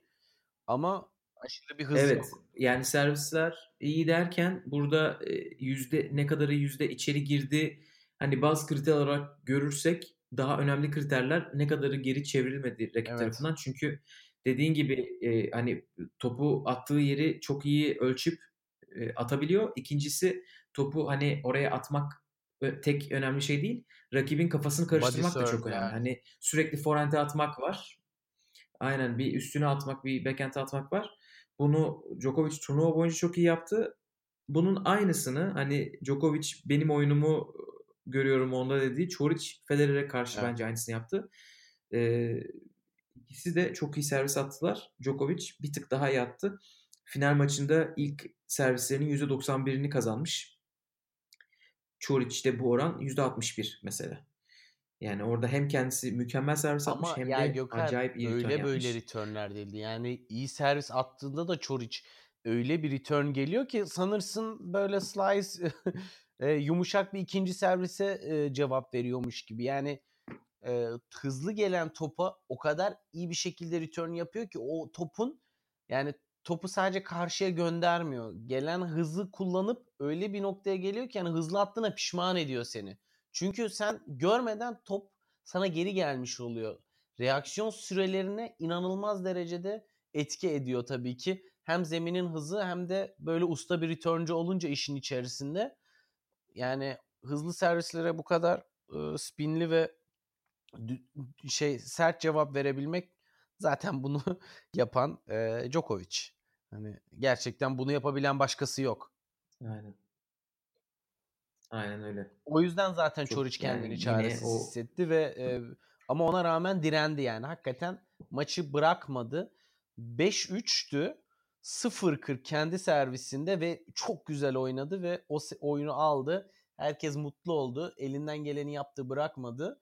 Ee, son oyunda da çok ciddi fırsatları vardı yani. Çok e, sayıları güzel noktalara getirip e, şey yaptı, verdi son oyunu ama Djokovic tabii ki gerçekten Aynen Djokovic Zverev maçında da gerekiyor. ilk servislerinin %72'sini pardon servislerinin %72'sini ilk servis olarak içeri sokmuş ve ilk servislerinin %79'unu kazanmış. Yani bunlar inanılmaz istatistikler. Hani burada dediğin gibi zemini faydası vardır mesela evet. bunun için. Ama, Ama hani burada servisi karıştırmak da e, çok işe yarıyor tabii ki. Tabii ki yani servis taktiği servisin kuvvetinden aynen, aynen daha öyle. çok ön plana çıkıyor. Ee, biraz Çoric Federer konuşalım mı? Çoric Federer konuşalım. Çoric Federer maçı esasında güzel bir maç olmakla beraber e, biraz çarşambanın gelişi e, şey perşembenin gelişi çarşambadan belli gibi bir durum vardı maçın başlangıcından itibaren. Çünkü e, Saber'ı göremedik Federer'den. Saber'ın yerinde unforced error'ları gördük. E, rallilerde hata yapan taraf, özgüvensiz olan taraf ve sabırsız olan taraf olmasını gördük. E, bu iyi servis atamadığı anda oyunu vermesine sebebiyet oldu ve e, çok da Çoric'in servislerine karşı bir etkisi olamadı. Çünkü Djokovic şey Federer bir 40-0'dan alıyor o servisini Sonra bir anda pat kırdırmış oluyor. Yani orada inanılmaz bir şey vardı. Dengesizlik de oluşmuştu bir ara. Ama e, Çoric o kadar yani hiç konsantrasyonundan çıkmadı. Sürekli topu geri yolladı ve e, Federer'de toplar geri geldikçe siniri daha da bozulmaya başladı. Yani esasında e, Federer'in yapabildiği şey sabırlı oynamak ve zor puanları, zor vuruşları herkesten daha iyi çevirmek olan e, önemli özelliğini gösteremedi. Ben artık bunun yani şimdi Federer'in önünde Federer seneye de oynayacak. Federer'in olimpiyat gibi büyük bir hedefi var. Ama o döneme kadar ki arayı çok e, şey yapmıyor bence. Çok hırslı yapmıyor yani e, bu tabii ki bir teori ama 2020'ye kadar gideceksen 37 yaşındaysan fiziksel olarak kendini de çok zorlamayacaksın ve açıkçası hızlı hızlı maçlarını kazanmaya çalışıyor ve hızlı oynuyor. Bu çok yarı finale kadar genelde onu götürüyor. Bu turnuva biraz değişik oldu Ama aslında. Öyle olmadı. Bu, burada burada bütün herkesten set kaybetti. Ama yani hızlı oynamaya çalıştığı halde çok set kaybetti. Yok abi yani ee, yapamıyor bence biraz artık. Ben biraz farklı bir perspektif getireyim. Çünkü Federer Nishikori maçı hani Djokovic Çoric maçından bence bir tık daha güzeldi ve turnuvanın maçıydı. Çok yüksek bir kalite vardı ve Federer onu, hani geri dönüyor diyebileceğim bir maçtı. Ben onun için Çoric maçında Çoric'e e, bir çözüm bulamamasına ondan şaşırdım. Çünkü yani Nishikori maçının iki seti de çok iyiydi. E, hem Nishikori çok iyiydi hem Federer çok iyiydi. Yani ikisi de çok iyilerdi ve e, Federer geride kalmasına rağmen Nishikori fileye daha çok çıktı mesela ikinci sette. Ona rağmen e, o seti 2-7-6 aldı. Ama Çoric'te bence şöyle bir durum var. Federer'le bu sene iki defa oynadı. Öyle bir şansı var. Indian Wells'te e, 7-5 ve bir break öndeydi. E, oradan verdi maçı. O bir tecrübe oldu. Ya, Ondan sonra kalede şey. kazandığı evet. şey, final maçı var. O, bence zaten şey noktasındaydı. Hani ben bu maçı kazanacağım noktasındaydı. Ben sadece yine bir şey bekliyordum. Bir break yaptıktan sonra tökezleme bekliyordum ama oyun planı çok netti. Çoric e, yazı turayı kazandı ve return yapmayı seçti. Federer'e karşı bunu isteyen evet. herhalde bir Djokovic vardır. bir de Nadal vardır eskiden. Yani çok tabii başkaları da vardır ama o kadar kendine güvenmen gerekiyor. Bir de return'üne güvenmen gerekiyor. Çünkü Federer'i Şangay'da servisle başlatmak, zemin bu kadar hızlı diyoruz. İlk e, oyunda kırdı. İkinci sette de ilk oyunda kırdı. Ondan sonra yaptığı şey de gerçekten e, çok iyi servis attı. Yani servisi inanılmaz güzel attı. Her sayıda 3 her oyunda 2 ya da 3 tane herhalde karşılanmayan servisi vardır. Onun üstüne bir de baseline puanlarını da Çoric aldı. Yani e, backend'e çok bindirdi, yüklendi. Onun üstüne forente hiç beklenmedik anlarda vuruşlar yaptı. Ve çocuğun gerçekten her vuruşu iyi. Yani forehand çaprazı da paralelde, backhand çaprazı da paralelde. Ee, Djokovic'e ondan benziyor. Hepsi acayip istikrarlı ve o, kuvvetli ve çok net placement'ları olan baseline'a, baseline köşelerine Benim şaşırdığım, atabiliyor. E, ben Federer'den Djokovic şeyi bekliyordum karşı. bir. E, ilk sette 3-4 defa slice vurdu. Hani defans slice değildi biraz daha atak slice. Hani e, yön değiştiren ve çok böyle sekmeyen toplar yaptı. Ve onlarda Çoric zorlandı. Belliydi yani. O, o topların çoğunu kaybetti. Federer o, o, o tarz bir stratejiye dönmedi. İkinci sette bir, biraz döner gibi oldu. Orada yine sayıları kazandı ama yavaşlatma değil de e, hani topun spinini değiştirme. Çünkü bazılarında öne koşman gerekiyor. Bazılarında işte biraz daha er, bir tık erken vurman gerekiyor. Çünkü Çoric top spin'e bayılan bir adam yani. Top spin sen yolla. Çok müsait bir zemin esasında. Yani e, güzel topu yere yapıştıran bir slice'la fileye yaklaştığın zaman karşı taraf e, zorlanabiliyor. Çünkü e, top hala hızlı oluyor ama yere daha yakın oluyor. Reaksiyon süresi az. Raketi e, çekmen gereken nokta, yukarı kaldırman gereken nokta çok daha az bir zamanda çok daha zor. Ve dolayısıyla filedeki adama passing shot yapma olasılığın çok daha düşük. Bu yüzden zaten drop şey e, lob yapıyor genelde. e, voleye çıkan oyunculara karşı Çoric ve lob konusunda da inanılmaz e, sayıları var. Hem Federer'e hem e, Djokovic'e karşı. Ama Evet bence o yüzden Federer fileye çıkmamış olabilir ama fileye çıkmadığından dolayı e, maçta ya, set kazanamadı yok, yani. Çıksaydı Federer fileye kritik noktada çıktı. Birinci setin sonunda ve ikinci setin başında ve e, o kadar yani eline servis edilmiş sayıları verdi ki bir koordinasyon problemi vardı. Yani gerçekten file oyununda e, Federer'in sıkıntı vardı. Yani kaybettiği sayıları çok pis kaybetti. O yüzden cesaret edemedi bence bir daha. Ki Federer'in cesaret edememesi e, çok şaşırılacak bir durum esasında. Ya biz bu adamı Ee, yalnız ben şöyle düşünüyorum. Çok e, çılgın geri dönüşleri de hala yapmayı seviyor. Evet. Yalnız ben şöyle düşünüyorum. Ee, yani Federer çok çok daha iyi oynasaydı bu maçta bence bu maçı kayde- kaybedebilirdi. Yani Çoric o kadar iyi oynadı. Böyle çok yakın biten bir skorla 7-6 7-5 Evet, gibi bir şey ama olabilirdi. Yani bak yok abi işte o noktada şu çok önemli. Çoric Djokovic'e karşı vurduğu topların hepsinin geri döneceğini bildiği için çok daha ekstraya zorladı kendini. Federer'e karşı Tabii. ekstraya zorlamadı kendini çünkü her topun geri gelmeyeceğini hissetmişti ve buna inanıyordu. Dolayısıyla risk seviyesini düşürdü. Yani esasında Federer daha üst düzey oynayabilseydi Çoric'in üzerinde de psikolojik olarak baskı kırıp onu mental olarak kırabilirdi. Sonuçta bah- bahsettiğimiz adam Çoric 96 doğumlu yani bunlar daha bu kırılma noktalarından geri dönmeyi e, çok başarabilen isimler değil. Zaten Zverev, Çoric, e, Tsitsipas vesaire bu tarz isimlerin e, uzun soluklu turnuvalarda, 5 setlerde başarılı olmakta zorlanmalarının temel sebebi bu zaten. Maçı götürebiliyorsa aynı konsantrasyon seviyesinde götürüyor ama bir kırılma eşiği olduğu zaman oradan toparlanmakta zorlanıyorlar hala. Yani bu Next Gen'de hala var olan bir şey ki 21-22 yaşındaki oyuncularda bu olabilir.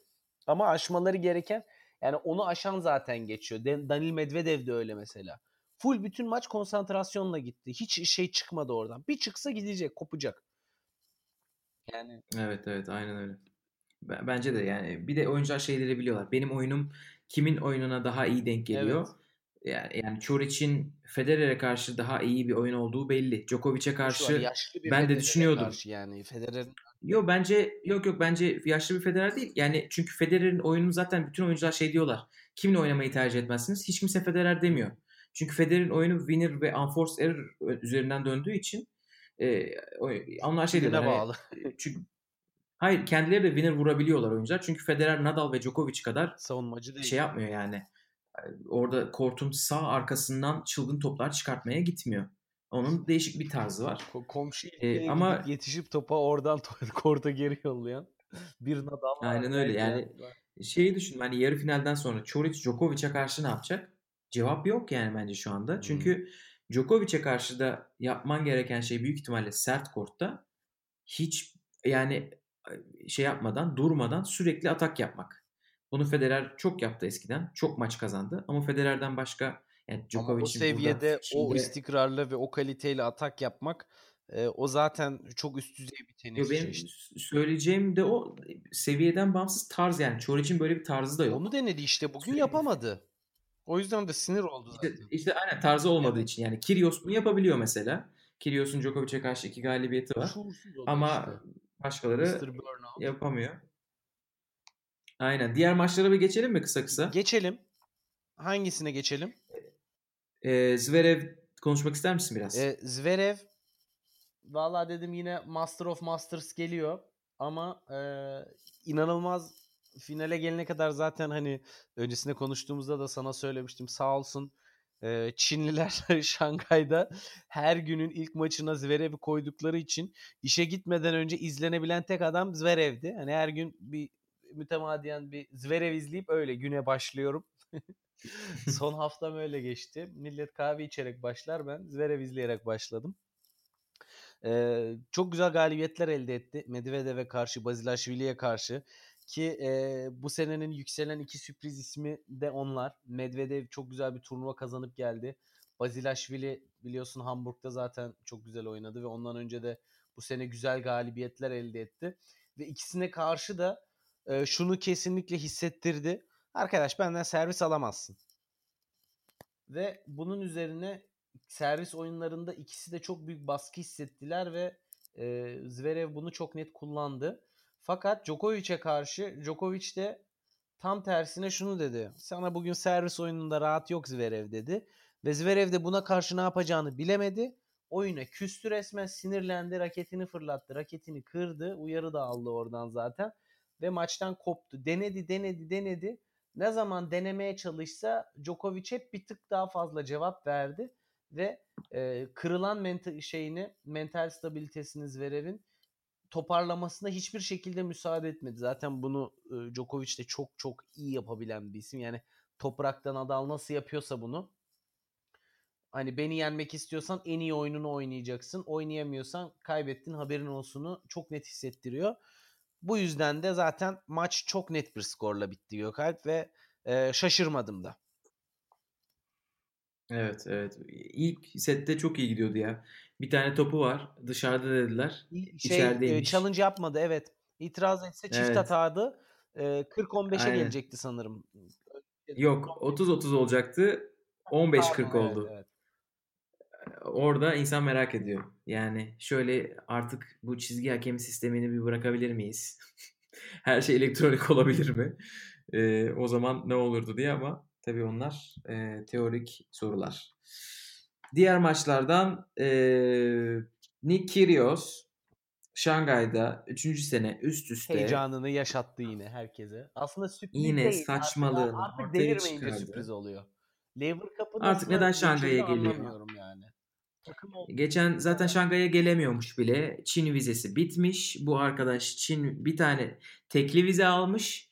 Ee, Şangay turnuvası başlamadan önce de geçen ay sevgilisini görmeye Ayla Tam Tomljanovic bir tane maç oynuyormuş Çin'de. Onun için gelmiş. O vizeyi yemiş. Yediğini son dakika görüyor. Son dakika yetişiyor turnuvaya. Profesyonelizm bu noktada Nick Kyrgios'ta. Ekip, ekip de çok sağlam çalışmış. Ekibi yok ya abi. Koçu yok. Koçsuz gid- gitme e, havasıyla yaşıyor etrafta. Benim koçum yok havası atıyor etrafa. Annesi saç baş yoluyordur herhalde. Annesiyle geziyordu bir ara. E, bu sene işlediği vukuat Şangay'da iki senedir yaptığı şeyden farksız. E, maç ortasında efor sarf etmeyi bırakıyor ki bu bir tenis kuralı. Bunu yapmak zorundasınız. Yani maçta olduğunuzu göstermek zorundasınız. Nasıl gösteriyor bunu hakeme? E, yani karşıdan gelen servise vurabilecekken vurmamayı seçiyor.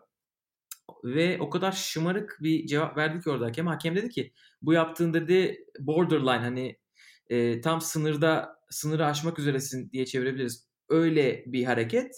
E, orada Kyrgios dedi ki borderline pozitif mi negatif mi bir şey mi? Hani Hakem de dedi borderline borderline yani anlaman gerekiyor dedi. Ona oradan sonra Kyrgios dedi ki belki ben bunu bir taktik olarak yapıyorum. Kafası, kafasını karıştırmaya çalışıyorum. Görmüyor musun? Öndeyim dedi. Gerçekten orada öndeydi. Ama sonra maçı kaybetti Kyrgios. İki set verdi arka arkaya. Ve e, büyük ihtimalle yani Evet kaybetmeyeceği bir adamı doğru. Yani Kaan olsa aramızda herhalde bahislerde Kyrgios'a karşı oynayıp e, zengin olma hayaliyle yanıp tutuşan insanlara öğüt verebilir. Hakikaten ya yani Aynen, belli de etmiyor. E, e, ya bu arada bu kuralın çıkması da bahisten geliyor tabii ki. Yani tabii. kendi karşıdakine bahis oynayıp maç kazanmasın şey pardon bahis kazanmasın insanlar diye.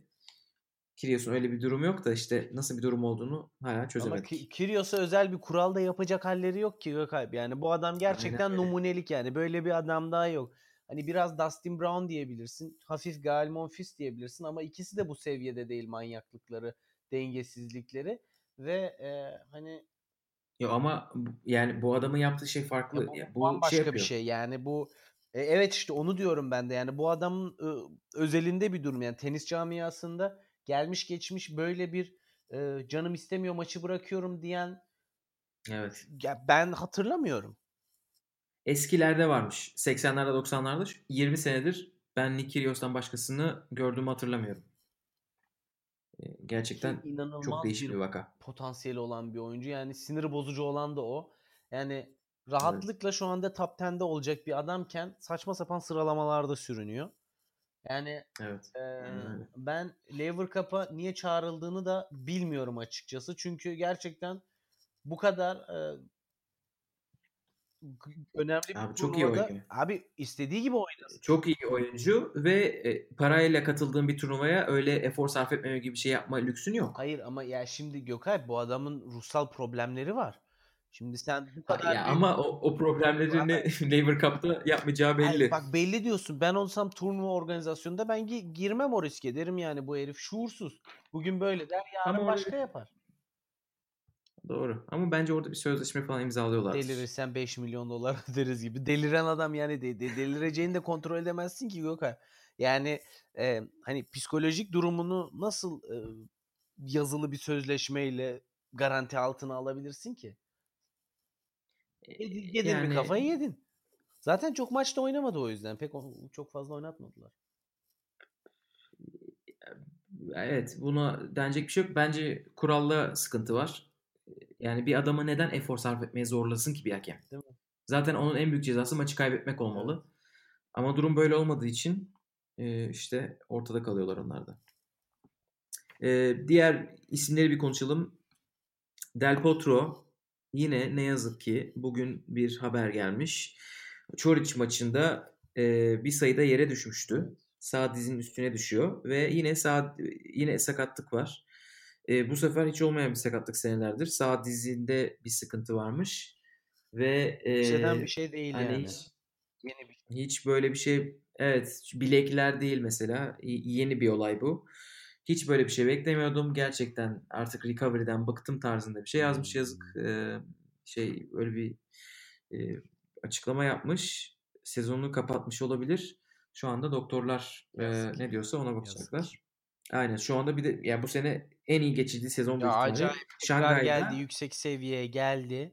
Üstüne koya koya gidiyordu ve yani e, gelecek senenin biliyorsun Avustralya açıkta benim şampiyonluk adayımdı. Yani o zamana kadar Evet. şimdi o süreyi nasıl geçirecek, ne yapacak? Yani sanırım demiştim de sakatlık olmazsa diye. Yani Del Potro'da hep böyle bir adam ya sakatlanırsa durumu var. Gerçekten çok çok üzücü bir şey ya. Yani Evet çünkü yani bu sene şöyle bir sene. Fransa açıkta Nadal'a kaybetti. Wimbledon'da Nadal'a kaybetti.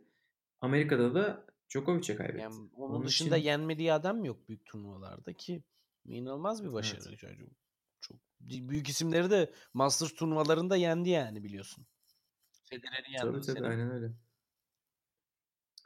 Ee, Kevin Anderson bence güzel gidiyor, istikrarlı gidiyor. Djokovic'e kaybetti burada. 6-4 7-6. Djokovic'e Ondan sonra intikamını alamadı. Ama e, bir de Tsitsipas da güzel oynadı bu turnuvayı. Tsitsipas ben hala diyorum sana e, believe in progress ya. Yani Tsitsipas olacak. E, güzel adamları da yendi. E, şeyi yendi. Monfils'i yendi. Gerçi Monfils şimdi maçı izlemediğim için çok da kesin bir şey söyleyemiyorum. O da böyle gününde olmadığımı verebiliyor maçı e, saçma sapan bir oyunla ama e, yani yine de Tsitsipas'ta Next Gen'de zaten e, sanırım geliyor o da e, qualify oldu Next Gen'e yanlış bilmiyorsam. O garantiledi evet. E, Kaşanov'u yendi ki Kaşanov da iyi oyuncu. Sağlam e, özellikle sert zeminde servisiyle güçlü forentiyle ön plana çıkıyor. Yani kaybettiği adam Kevin Anderson ki ona da 6-4 7-6 kaybetti. Olabilir. Yani Evet evet bence de. Anderson yaşıyla, olgunluğuyla, sakinliğiyle genç oyuncuları çok rahat ekarte edebilen bir isim. Yani Anderson'ın en büyük avantajı o. istikrarı ve sakinliği. Yani onun Çok da efendi bir evet. adam. Gerçekten yani tam bir underdog ya. Yani yani çok seveni var mı bilmiyorum ama sev, sevmeyeni yoktur. Yani hani böyle bu adama karşı bir negatif bir Doğru. şey e, hissedebilmen için yaptığı hiçbir şey yok yani. Nötr bir tarzı var. Efendi gibi top 10'de takılıyor. Aynen ben çok güzel bir tanım bence de. Yani Ee, bunların dışında Nikola Jari de önemli bu Deminor arada. Demin. Deminör'ü de çok beğendim ama Deminör şeye karşı Zverev karşı hiç oynayamadı.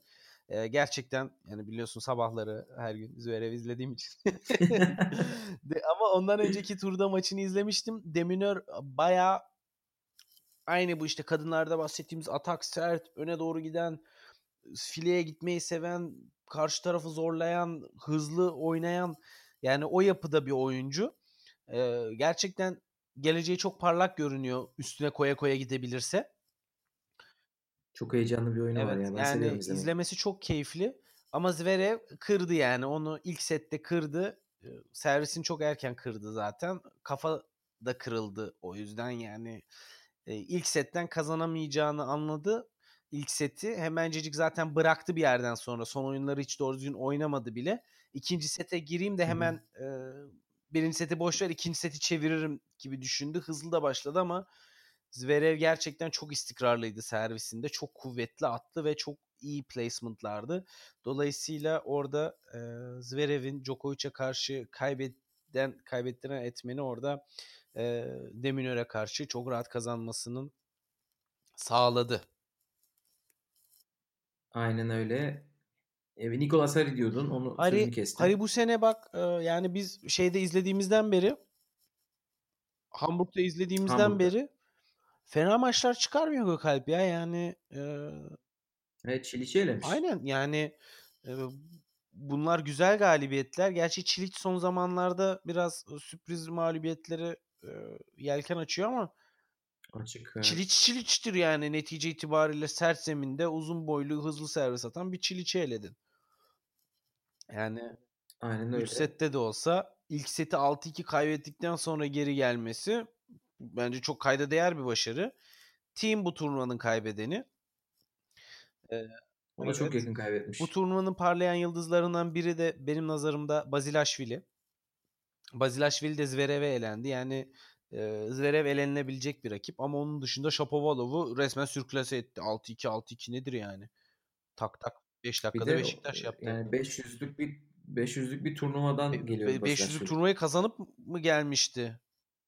Evet Değil şampiyonluk, Şampiyonluk geldi. geldi. O hafta işte zaten Medvedev'le Bazilashvili kazandı. Yani biz e, şeyde Hamburg'da dedik ya bu adam bu- nasıl bu kadar düz oyunuyla bu turnuvayı aldı diye şaşırdık. Herif şimdi esas e, zeminine geçti. Yani Del Potro'yu acayip finalde. oynadı ya. Del Potro Bazilashvili maçını bilmiyorum sen izledin mi? Muazzam oynadı ya. E, resmen yani robot gibiydi zaten. Hiçbir duygu esamesi yoktu. Biliyorsun zaten ki buna Evet abi. da tanıklık Evet aynen.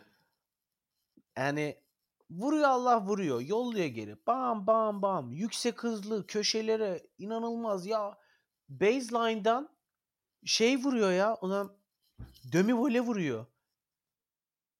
Bu neyin kafası arkadaş? Zaten ba- baseline oyununu çok seviyor. Geriden yolluyor topu geriye. Pat pat pat pat. Antrenör de Alman bu arada söylemeden geçemeyeceğim. yani e, o kadar yüksek bir e, istikrarla vurdu ki toplara Del Potro'ya karşı. Bu turnuvada da ümitliydim ama e, Zverev iyi çalışmış dersine. Zverev Bazilashvili'yi çok taktiksel olarak yendi. Hangi noktalarda Hı ne yapmasını gerektiğini bilerek. Bu yüzden yani ben bu turnuvada izleyebildiğim oyuncuların hepsinden çok memnun kaldım ya. Valla kötü maç izlemedim. Kötü oyuncu da görmedim. Hı hı. Medvedev, Bazilashvili, Şapo'yu izleyemedim gerçi. Ee, ondan sonra onu Federer'in maalesef biraz e, şeyi düştü. E, seviyesi benim yani ben izle, iki maçını izledim. İki, ilkinde çok beğenmiştim. Şimdi kime karşı izlediğim Agut maçı tam hatırlamıyorum. Yalan konuş.